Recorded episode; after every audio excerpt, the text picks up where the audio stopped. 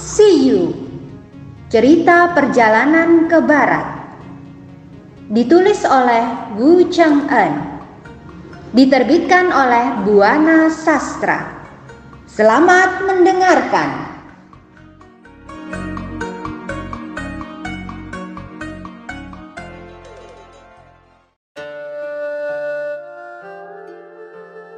Bab 88 rombongan Tong Sancong tiba di negeri Tianchugo atau India, Sun Wukong ke langit minta diturunkan hujan.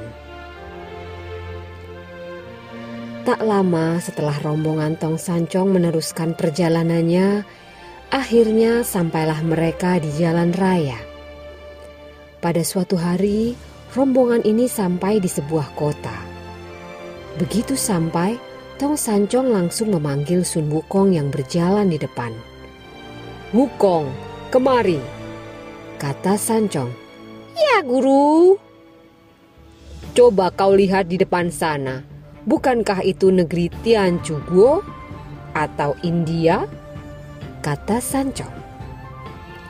Wukong segera mengawasi ke depan, kemudian sambil menggeleng-gelengkan kepalanya, Sun Wukong menjawab. Bukan guru, aku rasa itu bukan negeri India. Sebab sekalipun Nirwana tempat tinggal Buddha, letaknya bukan di sebuah kota, tapi di sebuah gunung besar. Di sanalah didirikan sebuah bangunan besar bertingkat, tampaknya juga agung. Mendengar keterangan Wukong, Tong Sancong mengangguk-anggukkan kepalanya. Kalau begitu perjalanan kita masih jauh, kata Sancong. Aku kira seumpama kita sudah sampai di India pun, entah masih berapa jauh lagi Gunung Lingshan itu. Apalagi tempatnya pun belum kita ketahui. Menurut pendapatku, kota di depan yang kita lihat itu hanya bagian dari kota di negeri India. Sekarang, mari kita masuk ke kota agar kita mendapat keterangan yang jauh lebih baik, kata Wukong. Ya, kalau begitu, mari kita lanjutkan perjalanan kita, kata sang guru. Kemudian, mereka segera bergerak menuju kota yang dilihatnya itu. Tak lama, sampailah rombongan ini di depan kota itu. Tong Sancong segera turun dari kudanya lalu berjalan melewati tiga lapis pintu kota. Ternyata jalan itu amat sepi. Ketika mereka sampai di pasar, dilihatnya beberapa orang berpakaian hijau sedang menggelar dagangan mereka di pinggir kiri dan kanan jalan. Beberapa orang ada juga yang berdagang di emper rumah mereka. Rombongan Tong Sancong tetap berjalan terus. Apalagi Penduduk yang melihatnya pun tak menghiraukan rombongan ini. Chu Baje yang moncongnya panjang berjalan di depan sambil berteriak-teriak. Numpang lewat, numpang lewat. Mendengar teriakan-teriakan itu, akhirnya orang-orang itu mulai memperhatikan juga. Namun, ketika dilihatnya Chu Baje, Sa Wujing, dan Sun Wukong berwajah seram dan aneh, mereka jadi kaget. Mereka lalu berteriak-teriak ketakutan. Tolong ada siluman! Tolong ada siluman! Melihat kota jadi gempar, maka dengan terpaksa Tong Sancong memberi penjelasan. Harap tuan-tuan jangan takut. Ini murid-muridku dan bukan siluman. Mereka juga tidak bermaksud jahat terhadap kalian. Jadi, harap tuan-tuan tenang.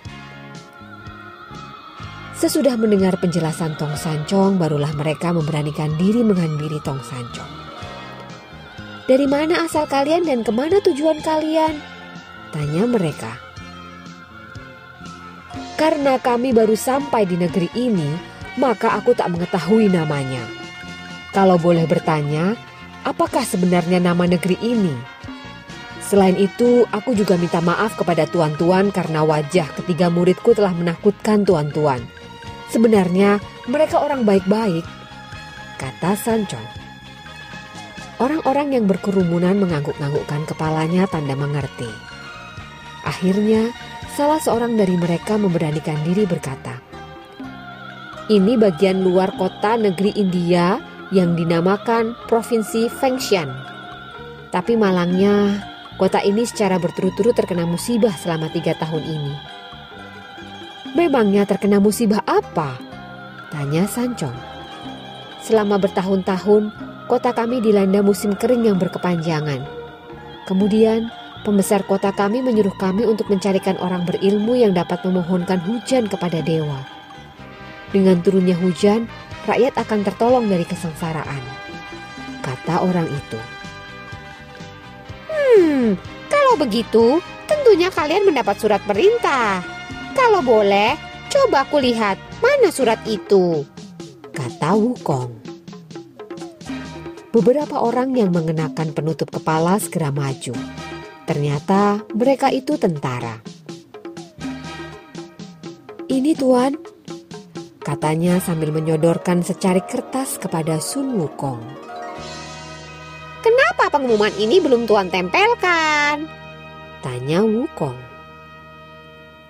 Kami masih sibuk membersihkan dan memilih tempatnya. Karena itu pengumuman ini belum sempat kami tempelkan, kata pegawai negeri itu. Sun Wukong segera memeriksa pengumuman itu. Ternyata dalam pengumuman itu benar dinyatakan bahwa pembesar negeri itu sedang mencari orang berilmu yang bisa mendatangkan hujan. Karena ditimpa musim kering yang berkepanjangan, tanah-tanah jadi retak tak bisa ditanami. Sungai dan sumur menjadi kering sehingga seluruh penduduk menjadi sengsara. Karena itu, beras dan makanan serta kayu bakar menjadi mahal harganya. Jadi, tak heran kalau ada orang yang mempunyai anak perempuan bersedia menukarkan anak perempuannya dengan 3 liter beras, sedangkan anak lelaki boleh diambil sesukanya. Namun sayangnya orang lebih mau menerima gadaian pakaian. Orang jahat pun bermunculan di mana-mana. Dalam pengumuman itu dijanjikan bahwa barang siapa bisa mendatangkan hujan, maka dia akan diberi hadiah seribu tail perak. Selesai memeriksa surat itu, Wukong bertanya, Siapa sebenarnya nama pembesar tempat ini? Jun Ho Sangguan, kata pegawai negeri itu. Artinya? Tanya Wukong. Junho sebutan untuk pembesar kami, sedang Sangguan marga dari pejabat kita itu. Kata orang itu. Sementara itu, Tong Sancong yang sejak tadi mendengar penderitaan rakyat tempat itu merasa tak tega. Ia lalu mendesak muridnya agar menolong mereka. Wukong, sudahlah, kau jangan banyak bertanya. Sekarang, yang paling penting Tolonglah mereka kalau kau sanggup. Lepaskan mereka dari kesengsaraan kekurangan air, kata Tong Sancong. Kalau aku tidak bisa bagaimana? Kata Wukong. Ya mau apa lagi, kita teruskan perjalanan kita, kata sang guru. Menolong mereka memang kewajiban kita, apalagi itu pun soal mudah, kata Wukong. Begitu mereka mendengar pembicaraan Sun Wukong dengan gurunya, para pegawai negeri sudah berlari mencari Junho, si pembesar mereka. Ketika mereka sudah berhadapan dengan atasannya, dengan cepat anak buahnya memberi laporan tentang kedatangan rombongan Tong Sancong. Mendengar hal itu, betapa gembira pembesar itu. Segera saja ia berpakaian, lalu dengan berjalan kaki, ia pergi menemui rombongan Tong Sancong. Setiba di depan rombongan Tong Sancong, pembesar ini segera memberi hormat pada Tong Sancong dan murid-muridnya. Kami dengar Tuan bisa menolong kami. Apakah Tuan bersedia? Kata pembesar itu. Sebenarnya hal itu belum pasti. Namun demikian, kami berusaha untuk membantu rakyat tempat ini sebisanya. Kata Sancong. Oh, terima kasih atas kesediaan tuan-tuan. Kami sangat gembira sekali, kata pembesar itu. Kalau begitu, di mana tempat yang baik agar kita bisa membicarakan hal ini dengan jelas? Tanya Sancong. Oh, bagaimana kalau di kantor saja? sebab di kantor kami cukup bersih. Kata pembesar itu. Baiklah kalau begitu, terima kasih. Kata Tang Sancong. Kemudian berjalanlah rombongan ini ke kantor si pembesar. Ketika mereka sampai, Tong Sancong bersama muridnya dipersilahkan masuk. Tak lama, mereka pun diundang makan, dan yang paling girang sudah tentu Cubaji. Dia bisa melampiaskan nafsu makannya sepuas-puasnya. Melihat si rakus makan, para pelayan menjadi heran, sebab Cubaji sering meminta tambah nasi serta lauknya.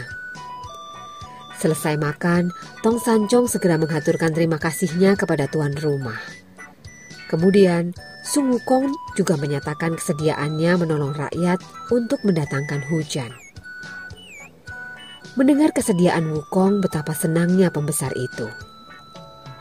Oh, terima kasih atas kebaikanmu. Nanti bila Tuan berhasil memanggil hujan, sebagai tanda terima kasih kami berjanji akan memberi hadiah seribu tael perak untuk Tuan. Jangan repot-repot.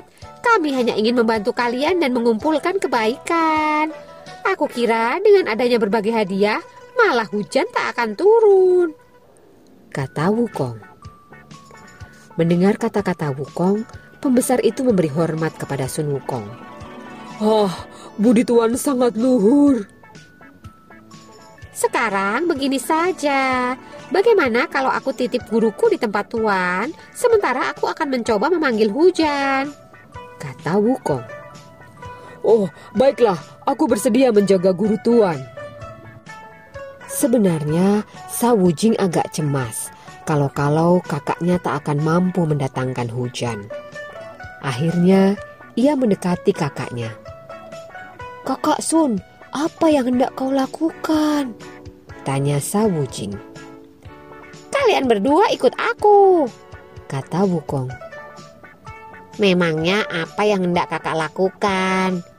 Tanya Cubaji yang perutnya bundar karena kekenyangan makan. Aku akan memanggil Raja Naga supaya ia mendatangkan hujan. Kata Wukong. Baik kalau begitu. Kata kedua adik angkatnya. Tak lama mereka bertiga keluar dari kantor pembesar kota. Sementara itu, si pembesar menyediakan dupa untuk Tong Sancong bersembahyang dan membaca doa. Sampai di luar, Sun Wukong mulai membacakan mantra. Tak lama, awan dari arah timur bergulung mendatangi. Tiba-tiba, muncullah Raja Naga Laut Timur, Ao Guang. Begitu sampai ia mengubah diri menjadi manusia biasa, lalu menemui Sun Wukong. Raja Naga Laut Timur, Ao Guang, memberi hormat pada Sun Wukong. Tuan memanggilku, ada apa? Tanya Ao Guang. Silakan bangun. Sebelumnya aku mohon maaf telah membuatmu capek karena kau datang dari tempat jauh. Maksudku mengundangmu untuk meminta pertolonganmu. Kata Sun Wukong. Pertolongan apa? Aku minta agar kau menurunkan hujan di negeri ini, kata Wukong. Kemudian Sun Wukong menceritakan kesulitan provinsi Fengshan yang lama tak turun hujan. Memangnya kenapa kau tak menurunkan hujan di negeri ini? Tanya Wukong.